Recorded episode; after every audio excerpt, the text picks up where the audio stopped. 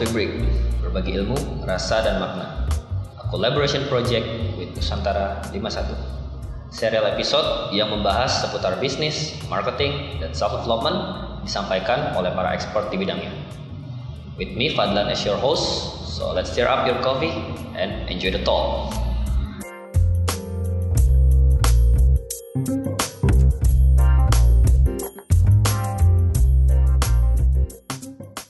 Okay, so this is the first episode of Coffee Break. Episode ini akan dibagi menjadi tiga segmen, di mana masing-masing segmen akan mempunyai insight-nya tersendiri. Jadi stay tune and don't skip to the end.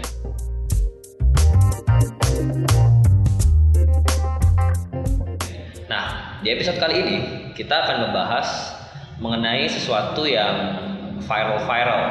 Nah, sesuai dengan judulnya, cara viral yang halal. Sudah hadir bersama kita di sini uh, Coach Pande Putu. Apa kabar Coach? Baik, baik, alhamdulillah. Oke, okay, uh, eh, sibuk apa nih sekarang? Ya biasa, jalan-jalan aja, sharing-sharing sana sini. nih, kayaknya rapi nih bajunya nih. Mungkin teman-teman di sini nggak bisa ngeliat, tapi Coach bajunya lagi rapi. Habis dari mana nih Coach? Habis ngajar kebetulan dari pagi ngajar di kampus, lanjut misi di PKT Pancoran, baru ya sekarang ke RSK di sini. Ya, makanya ketemu sama Fadlan. Fadlan di sini. Oke. Okay. So, buat teman-teman yang belum kenal uh, seorang Pandey Putu ini, beliau merupakan brand coach and advisor, betul ya? Yes, yes. Dan juga seorang certified professional trainer uh, spesialnya untuk branding. Nah, mungkin uh, coach bisa cerita dulu nih perjalanan coach dari uh, mulai meniti karir sampai akhirnya bisa menjadi seorang uh, brand coach and advisor ini di, di branding. Oke, mulai berarti oke dulunya dulunya banget itu awal-awal merintis itu jadi sales percetakan. Wow, dari bawah ya dari grassroots banget. Kelantar kelintir naik motor, ya sampai akhirnya mencoba uh, dapatnya kan dikit ya tipis lah gitu lah ya kan dapatnya tipis nih. Akhirnya ah nyoba belajar desain sendiri, jadi bisa dapat ongkos desain di situ Nah dari situ mulai masuk ke advertising. Oke, jadi dari sales langsung ke advertising. Ah, masuk ke advertising. Nah dalam dunia advertising ini akhirnya saya nemuin bahwa uh, banyak produk yang sebenarnya produk Indonesia bagus-bagus. Cuman memang kenapa kok nggak bisa ngangkat, nggak bisa fight dengan global markets. Akhirnya setelah tahu banyak belajar, wah ternyata brandnya masalah Oke, okay. dari situ akhirnya itulah titik akhirnya mendalami dunia branding. Ya banyak konsultan kecil-kecilan dulu lah gitu loh, masih remih-remih rengginang. Sampai akhirnya sekarang ngambil uh, eh, S3 dan research mengenai bagaimana UKM itu bisa sustain modelnya model sustainability untuk UKM berbasis pada brand. Oke, okay, so uh, problem yang mau di solve oleh coach ini adalah bukan lebih ke brand-brand yang udah besar tapi justru adalah uh, brand-brand kecil dan menengah yang punya kesulitan untuk ngejualin produknya seperti itu ya.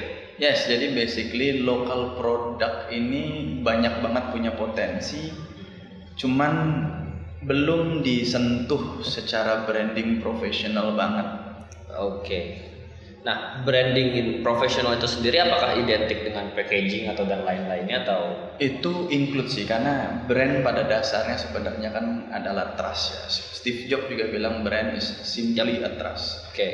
Ya kita bisa contoh bagaimana Apple ketika di branding dengan benar, ada value di dalamnya. Yang dijual bukan hanya produk lagi, bertarung nggak lagi di red ocean, itu mereka bisa jualan dengan harga yang fantastis dan orang pun bisa menjadi fanatik dengan itu. Nah Indonesia nih ya untuk itu. Jadi kalau packaging itu part of it. Oke. Okay. Nah uh, tadi kan sempat uh, pengen ngebenerin masalah branding. Nah apakah dari sini juga yang akhirnya memutuskan uh, coach ini untuk bikin sebuah super team lah saya bilang atau kayak Power Ranger lah uh, bernama N51 tadi atau Nusantara 51. Oke, okay, sebenarnya itu saya sudah bilang sih tarikan alam ya. Jadi nggak ada niat dari dulu. Oke. Okay. Dan suddenly di satu titik ketika waktu itu ikut berjuang uh, dalam satu kancah politik, kebetulan ketemu dengan orang-orang yang punya satu misi untuk Indonesia di masa depan tiba-tiba ketemu hanya satu sering ngobrol terus dua tiga empat sampai akhirnya ada enam orang ini yang akhirnya punya kesamaan visi punya kesamaan hati. Gimana saya bilang? Ada sama rasanya. Hmm. untuk satu tujuan makna itu akhirnya mutusin ya udah kita gabung aja jadi satu dan make something gitu. Dan akhirnya tercetuslah namanya Nusantara 51 Ya itu juga kenapa namanya Nusantara 51 51 nya tuh kita cowoknya 5 Satunya cewek. Oh simple ya. As simple as that gitu. Terus Nusantara sendiri karena kebetulan enam orang ini berada dari seantero Nusantara Indonesia. Ada yang oh. dari Sumatera. Ya, ya, ya, Ada yang dari Jawa Saya dari Bali. Terus uh, ada juga yang dari Sulawesi. Jadi sebaran sebenarnya. Makanya kita namain oh Nusantara. Karena dari uh, berbagai macam latar belakang dan background wilayah yang berbeda-beda ya. Yes benar. Oke oke oke. Wah menarik banget nih tentang N51 dan uh, Coach Pandey sendiri tentang branding. Nah mungkin uh, kita akan masuk ke segmen yang lebih lanjut uh, di segmen pertama. Uh, sebelum kita akan membahas branding lebih jauh lagi. So stay tune and let's go to segmen pertama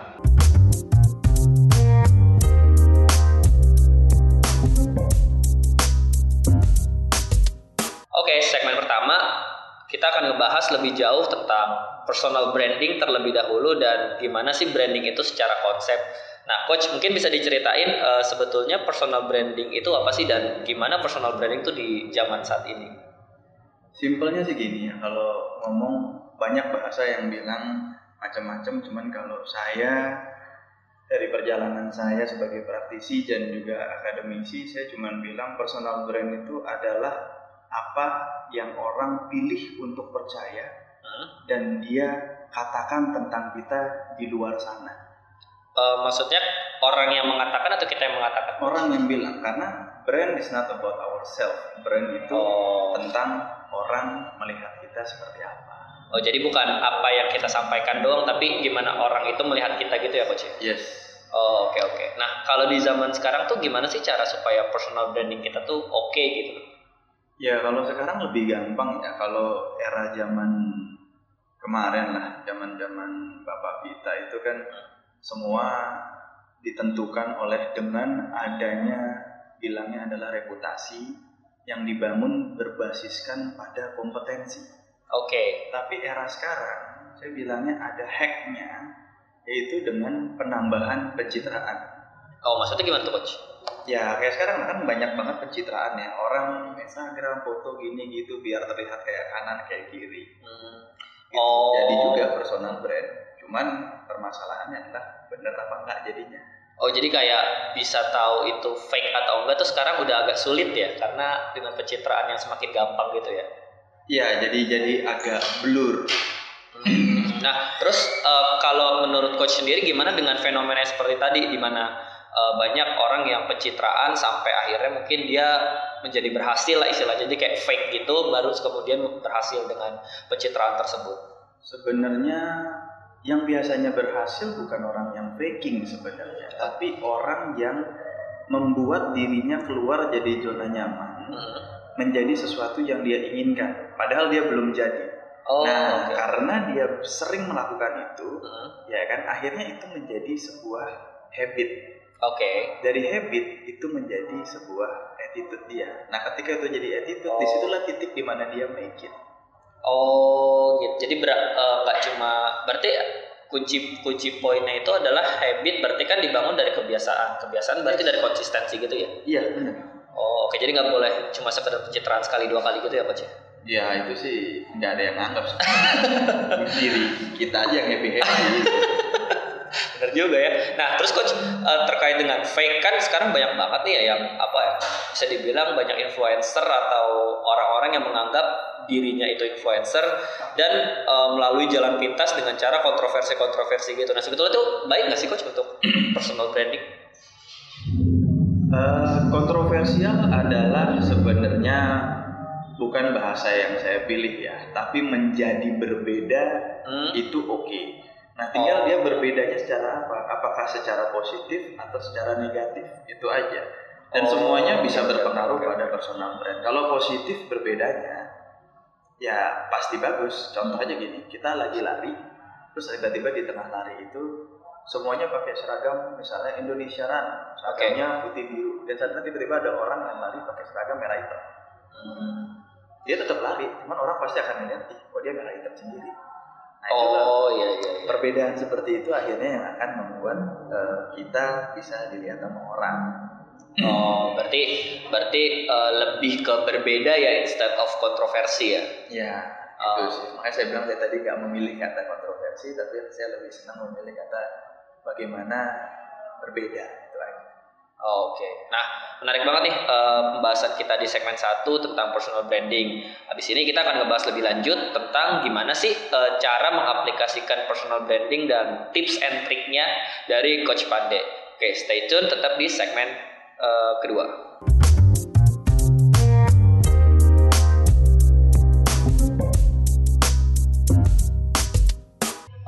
Segmen kedua.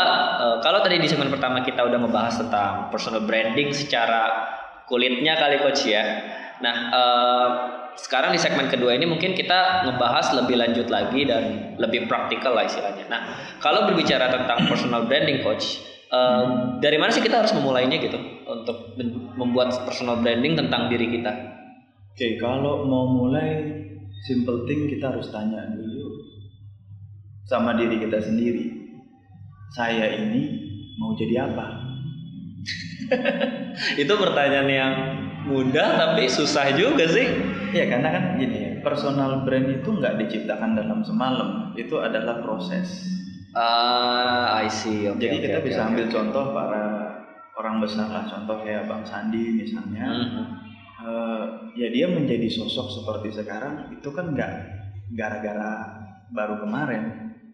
Oh iya dia sih. ada punya satu story hidup yang dia jelas goalsnya mau apa. Nah makanya kalau untuk membangun personal branding, pertama yang perlu disadari adalah kita mau jadi apa. Baru dari situ kita pecah. Yang namanya branding ini kan proses. Iya. Jadi ki- kita akan pilih sendiri proses apa yang mau dijalani untuk mencapai sosok yang kita mau jadi itu. Jadi kalau ditanya mulai dari mana, mulai dari situ dulu. Oh jadi tahu dulu ya kita mau jadi apa gitu ya. Mm-mm. Em, tapi terkait kita mau jadi apa itu apakah harus sesuai dengan yang kita mau aja atau harus sesuai juga dengan kapabilitas kita? eh awalnya sesuai dulu dengan yang kita mau. Dengan kita tahu yang kita mau, berarti kita tahu kurangnya saya butuh apa. Oh, misalnya gue mau jadi public speaker gitu, public speaker gitu kan. Mhm. Tapi nggak bisa ngomong. Hmm. Berarti kan oke ambil kelas misalnya kayak public speaking class. Oh gitu iya loh. sih benar juga. Jadi dengan kita tahu apa yang kita mau, kita tahu apa yang harus kita upgrade. Kita paham plus kita di mana, minus kita di mana. Oh, Ngerti ngerti ngerti ngerti. Jadi kalau kita tak kalau kita tahu apa yang kita mau eh, dan kita mau itu supaya lebih bisa lagi, ya kita tinggal upgrade aja gitu. Yes. Tapi kalau misalnya kita bisa doang tapi nggak tahu apa yang kita mau, ya nggak ke mana-mana di situ-situ aja jadinya ya. Yes, karena eh, yang perlu dipahami adalah personal brand yang kuat adalah kombinasi dari pencitraan yang tepat Hmm. dan kompetensi yang bisa mempertanggungjawabkan pencitraan tersebut. Oke, wah itu notes bagus banget sih. Jadi mempertemukan kapasitas dan uh, interest kita ya. Yes. Wah keren keren. keren. Nah, uh, oke misalkan saya mau memulai personal branding nih. Oke, berarti kan saya harus tahu uh, apa yang saya suka. Terus kira-kira nih coach, kalau dalam segi praktikalnya tuh yang harus saya pelajari atau harus saya dalami itu apa ya? Secara praktikalnya. Misalkan kayak uh, saya pengen jadi public speaker yang baik. Berarti yang harus saya pelajari itu apa? Yang pertama harus dipelajari adalah eh, diri sendiri dulu. Plus minusnya keluar kan, begitu kita tahu plus minusnya. Iya iya iya. iya. Cuman di sini ya belajar juga apa yang belajar adalah belajar jujur. Kenapa? Oh, Jujur dulu sama diri sendiri. penting banget sih tuh. Ketika kita nggak bisa jujur, ya kan, artinya kita selalu faking bahkan untuk diri kita sendiri. Dan bagaimana? Oke. Saya selalu pakai eh, prinsip brand yang disuarakan oleh Steve Jobs. Brand Steve Jobs selalu bilang bahwa brand is simply a trust. Sama kayak tadi saya bilang. Hmm. Ketika mau kita mau dipercaya sebagai apa sih? Nah kalau kita aja mau dipercaya tapi kita nggak jujur, ya kan susah banget dapatnya. Eh juga sih. Iya benar juga sih. Kalau dibilang eh, kadang kita sendiri juga susah untuk jujur sama diri kita sendiri ya zaman sekarang gitu kayak ah gue tuh sebetulnya nggak bisa nyanyi cuma gue maksa kalau gue tuh pengen jadi penyanyi padahal ya emang nggak bakat jadi kayak akhirnya berbohong sama diri sendiri gitu ya coach ya zaman Ya sekarang itu memang sebagian orang ada yang berhasil, tapi kebanyakan selalu mentok di tengah jalan. Hmm. Pada dan akhirnya pada akibatnya pada waktu yang sudah terlambat dia harus shifting kembali dan start all over again personal branding yang dia harus bangun. oh Jadi iya sih simpelnya gini, kalau mau personal branding yang bagus dan kuat, sadari dulu core-nya. Contoh, kalau warna merah dipaksa jadi ungu atau dipaksa jadi kuning kan susah. oh iya juga Tapi kalau udah sadar warnanya merah, kita tahu kalau gue warna merah berarti nanti gue jadi warna merah tua, mau jadi pink, mau jadi merah metalik, mau jadi merah chrome, Hmm. nggak masalah. Tapi sadar dulu dia merah. Oke oke. Nah eh, kalau misalkan, oke, gue udah tahu nih eh, mau jadi apa, udah eh, tahu kekuatan dan kelebihannya.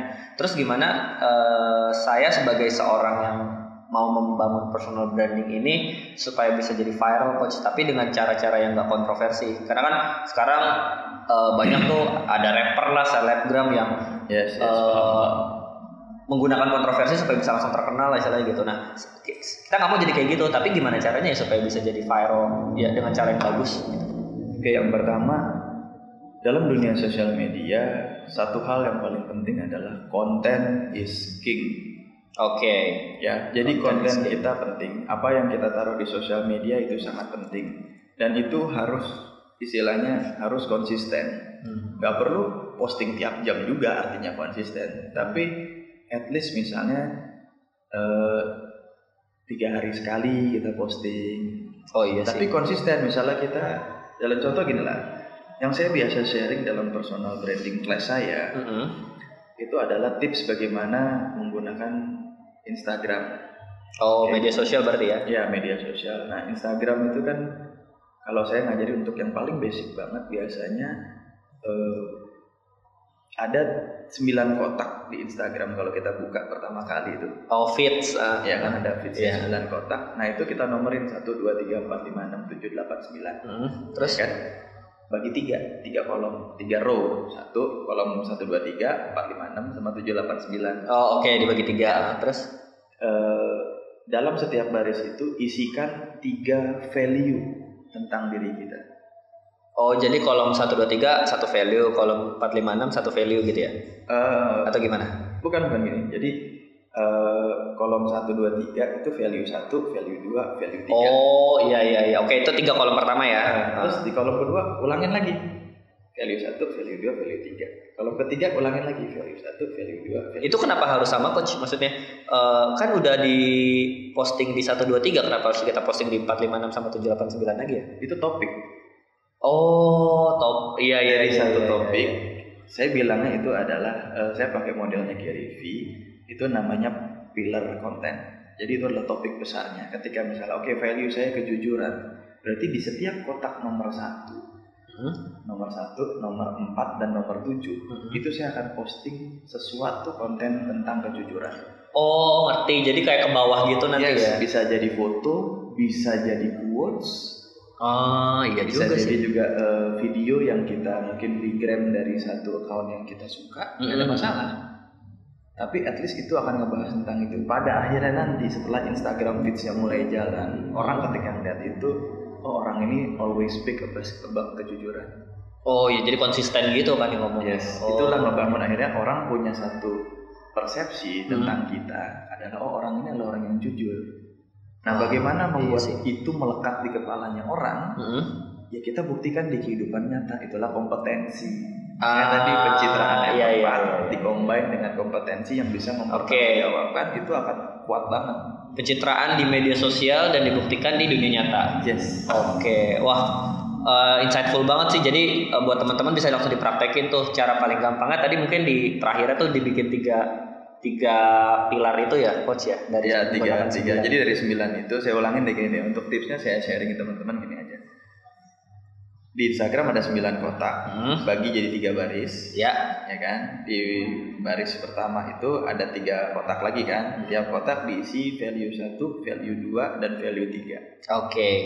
Ya ya ya udah nanti tinggal diulangin. Value di keempat juga gitu. 4 value 1 di 5 value 2 di 6 value 3 di baris ketiga diulang lagi. Tapi isinya bisa berbeda. Tapi Oh, topiknya topiknya tetap dijaga. sama gitu ya? topiknya dijaga tetap tiga itu konsisten terus Jadi nggak misalkan lagi mau bahas kejujuran nggak nggak nggak ngepost tiba-tiba video-video meme-meme lucu gitu itu. Jadi biar konsisten gitu kan coach ya. Ya itu juga nanti berhubungan dengan persona atau karakter digital yang kita mau ciptakan. Kita mau jadi apa? Nanti saya tanya mau jadi apa dulu, baru ini bisa ditentuin. Kalau loncat loncat loncat loncat pasti ngaco biasanya. Eh, kalau kita aja bingung, gimana orang lain mau tahu tentang kita? Yes. Betul banget. Oke, menarik banget eh, di segmen kedua ini. Nah, eh, selanjutnya kita akan masuk ke segmen tiga yang akan berisi dengan pertanyaan-pertanyaan yang udah dilempar dari teman-teman semua. So, stay tune and let's go to segmen ketiga.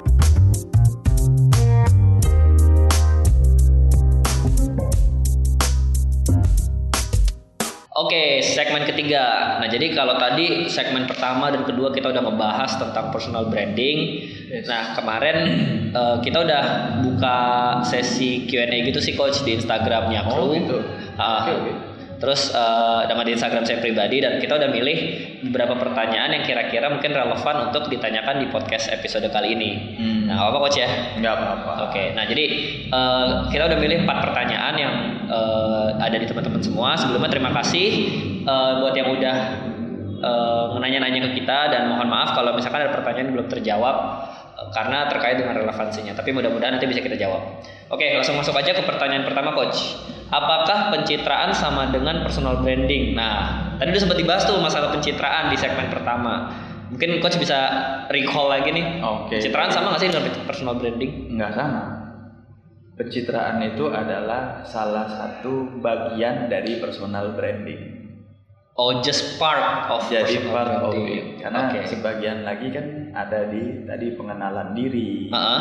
ada lagi di kompetensi atau di apa eh, reputasi membangun reputasi yang bisa mempertanggungjawabkan pencitraan.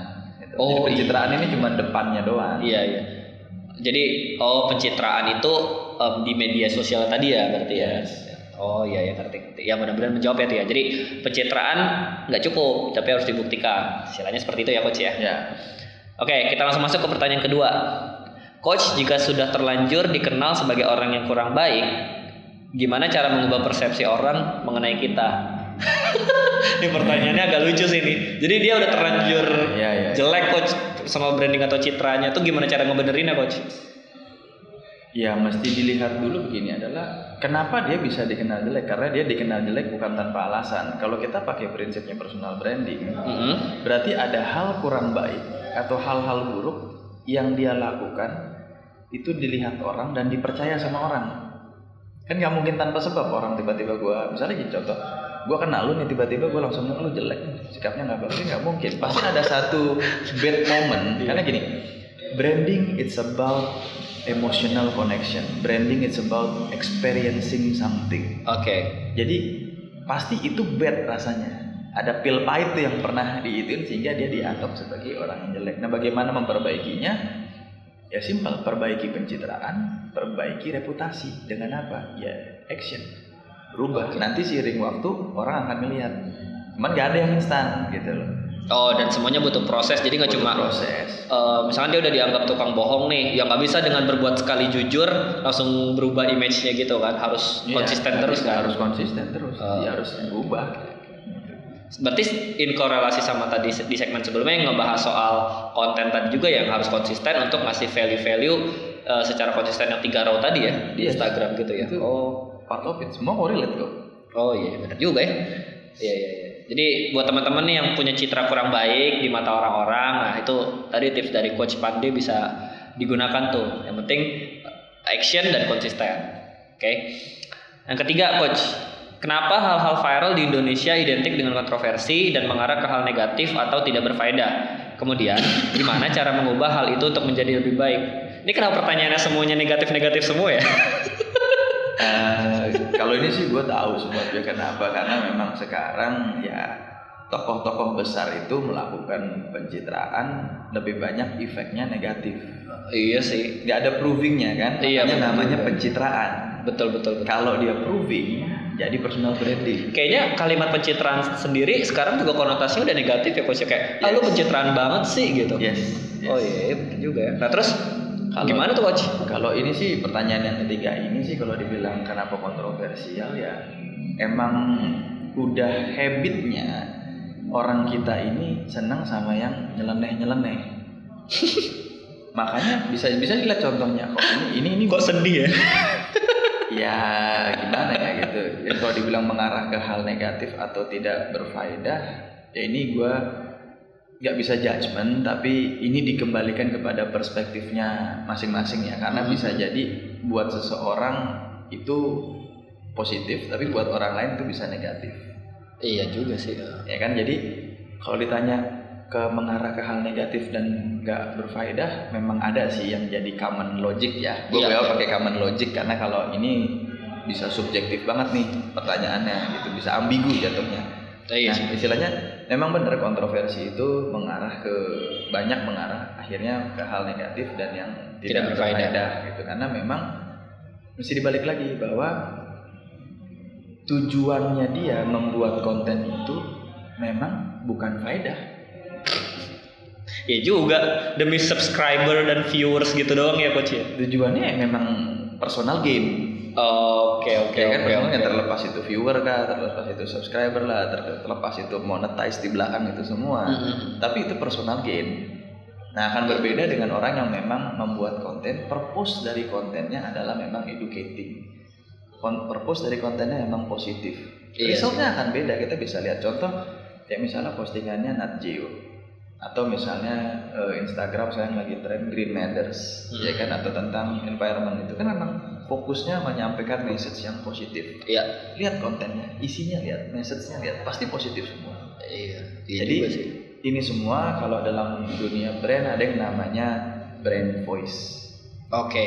Jadi harus jelas. Yang pertama adalah purpose, bikin postingan tujuannya mau ngapain. Nah, Iya. itu dulu. Iya benar juga sih. Eh, tapi agak miris juga sih kita sebagai orang Indonesia kok kayak ya mau gimana? Ya mau disalahin eh, konten kreatornya tapi itu yang membuat mereka hidup. Mau nyalahin masyarakat tapi kita juga nggak bisa ngapa-ngapain. Lucu juga ya. ya memang sih itu itu bagian dari salah satu perjuangan untuk saya menyadarkan bahwa Indonesia ini it's full of quality. Indonesia ini rich tapi we weak at brand, we weak at branding. Nah, dan itu yang menjadi alasan coach mungkin mau sharing-sharing ke teman-teman semua yang ada di sini juga kali ya. Yes, Ya. itu juga. Ya mudah-mudahan pelan-pelan coach ya kita rubah Indonesia nih Ya kontribusi bisa dari- lah, kan masih ada generasi selanjutnya. Amin, amin. Padahal kita nggak beda jauh ya umurnya. Iya. ya udah. Oke, pertanyaan terakhir nih coach. Oke, Eh, oke, oke. Saya ingin bisa lebih mengerti tentang branding. Kira-kira gimana langkah-langkah untuk mempelajarinya? Kalau boleh saya jawab, tanya-tanya ke coach Pandi aja di Instagram atau di N apa di N51 dan Rumah Siap Kerja. Tapi mungkin coach punya jawaban sendiri. Eh, ya simpelnya sih gini, eh, brand ini saya bukan satu-satunya orang yang yang paham tentang brand. Hmm. Oke, brand ini ya nggak tahu ya istilahnya buka YouTube aja sekarang cari branding atau tentang apa pun di branding itu gampang nggak susah. Oh, Banyak informasi yang beredar di internet gitu. Kan yang jelas kita punya smartphone ya kan? Masa kita mau di outsmart sama our phone sih kan enggak Sedih juga ya. ya kan? Tapi itu bisa maksudnya bisa dicari. Tapi kalau emang butuh in depth butuh lebih dalam dan lebih personal oke kontak saya kan juga udah di udah udah, udah saya sebelum sih? Oh, nanti linknya dikasih di description Oke. podcast ini. jadi feel free untuk kontak saya monggo eh, Instagram. Saya orang yang nggak terlalu aktif di sosial media cuman posting sekali sekali aja karena sibuk ngurusin sosial media orang. Miris juga ya coach kita nih yang eh, bisa ngerti tentang konten tapi nggak ngurusin konten sendiri. Oh, karena ya, konten emang orang lain. ya kalau saya kan memang part of dari kerjaan sebagai brand consultant kan ngurusin Oh, iya. orang. Jadi Oke. ya hidup saya habis di situ cuman Ngurusin orang. ah, ngurusin orang. Jadi terkadang aja. Diri sendiri nggak diurusin ya. Nah, lupa ya. Ya oke lah. Tapi feel free nggak apa-apa kontak saya bisa main ke RSK oke atau emang mau janjian ketemu dengan saya feel free semasi ini saya open for sharing, saya open di kontak ada masalah. Cuman ya saya tidak mungkin membalas cepat sebagaimana eh, gebetan teman-teman ya. Teman-teman kru kebanyakan jomblo kok coach. Ya makanya itu saya nggak bisa balas cepat. Jadi eh, tapi kalau ada message saya pasti balas. Saya janji itu saya pasti balas. Oke, cuma masalah kapan dibalasnya aja paling ya. Ya tapi pasti mungkin lebih dari sehari sih. Cuma kan kadang-kadang saya ke mana-mana kan lebih senang naik motor ya. Kalau lagi di motor, kalau lagi ngajar kan nggak mungkin saya balas. Tapi begitu waktu break saya lihat ada message siapa pun saya berusaha untuk eh, selalu membalas. Coach ada rencana untuk bikin semacam pelatihan-pelatihan atau kelas-kelas gitu nggak sih? Eh sekarang kebetulan lagi lagi ngelatih juga ya hitungannya ya. Tadi sih habis, cuman eh di kapan di bulan ini dan depan ya. Mhm. Eh bulan depan berarti ya. Iya. Bulan ini kan udah udah di ujung banget lah ya. Ini bulan depan kita kan tag bulan Ok- eh, Oktober lah istilahnya nih ya. Hmm. Eh, berarti eh, bulan November nih istilahnya. Ya di Oktober ada kok. Di Oktober saya di RSK ada tanggal 17, 23, 25, 29. Tuh banyak tuh. Bener juga ya. Jadi pokoknya teman-teman langsung aja eh, lihat eh, Instagramnya, lihat informasi. Kalau mau ketemu Coach Pande di Instagramnya Rumah Siap Kerja berarti ya. Ya di siap kerja bisa, di Instagram saya pribadi juga bisa, nggak ada masalah. Tapi jangan DM yang aneh-aneh ya. Kalau DM yang aneh-aneh ntar malu gue sama Ya, paling, Coach. paling saya nggak jawab sih. oh, kan dijawab ya. Asal jangan di blok ya Coach ya. Enggak sih, kalau lucu sih enggak. Oh, baik. Oke, oke, oke, oke. Nah, eh, mungkin itu aja pertanyaan yang bisa kita berikan di episode kali ini. Nanti mungkin sisanya bisa dijawab langsung oleh coach. Nanti gue bakal kasih list pertanyaannya ke coach dan coach akan langsung jawab ke Instagram pribadi kalian. Kalau misalkan coachnya mau balas, gitu. Nah, sebelum kita tutup, eh, ada summary yang akan di- diberikan sama Coach Pande. Mungkin Coach Pande bisa kasih sepatah dua patah kata tentang personal branding dan gimana cara supaya bisa melakukan itu dengan baik di zaman sekarang, Coach. Oke, kalau mau di summary, saya orangnya malas ribet dan suka bikin simple aja. Jadi Oke. gini. Itu lebih baik, Coach. Nah, jadi, eh, untuk personal brand itu eh, sebaiknya sih, sebaiknya adalah pertama, step paling pertama adalah kenali diri kita dulu, Betul. ya kan? Eh, kenali diri dengan jujur sama diri kita dulu. Hmm. Lalu yang kedua, mulai pilih goalsnya. Ya. Mau jadi apa? Jadi apa Ya kalian? kan? Mau jadi apa? Ini langsung taruh 10 tahun ke depan mau jadi apa? Jangan pendek-pendek, 10 tahun ke depan. Karena membangun brand nggak bisa cepat. Membangun brand ini proses. Oke. Jadi langsung taruh 10 tahun ke depan. Ya. Jadi untuk anak-anak teman-teman yang masih masih muda, masih punya banyak waktu, jangan pernah takut mimpi. Langsung aja tembak tinggi-tinggi sekalian. Istilahnya kalau mimpi mau beli Ferrari, mimpi aja. Sejelek-jeleknya kan kebeli Mercy. Amin. Masih asik kan? Betul, betul banget. Baru dari situ eh, mulai benerin konten-konten di sosial medianya karena jejak digital itu perih ya asli jejak digital itu perih Iya.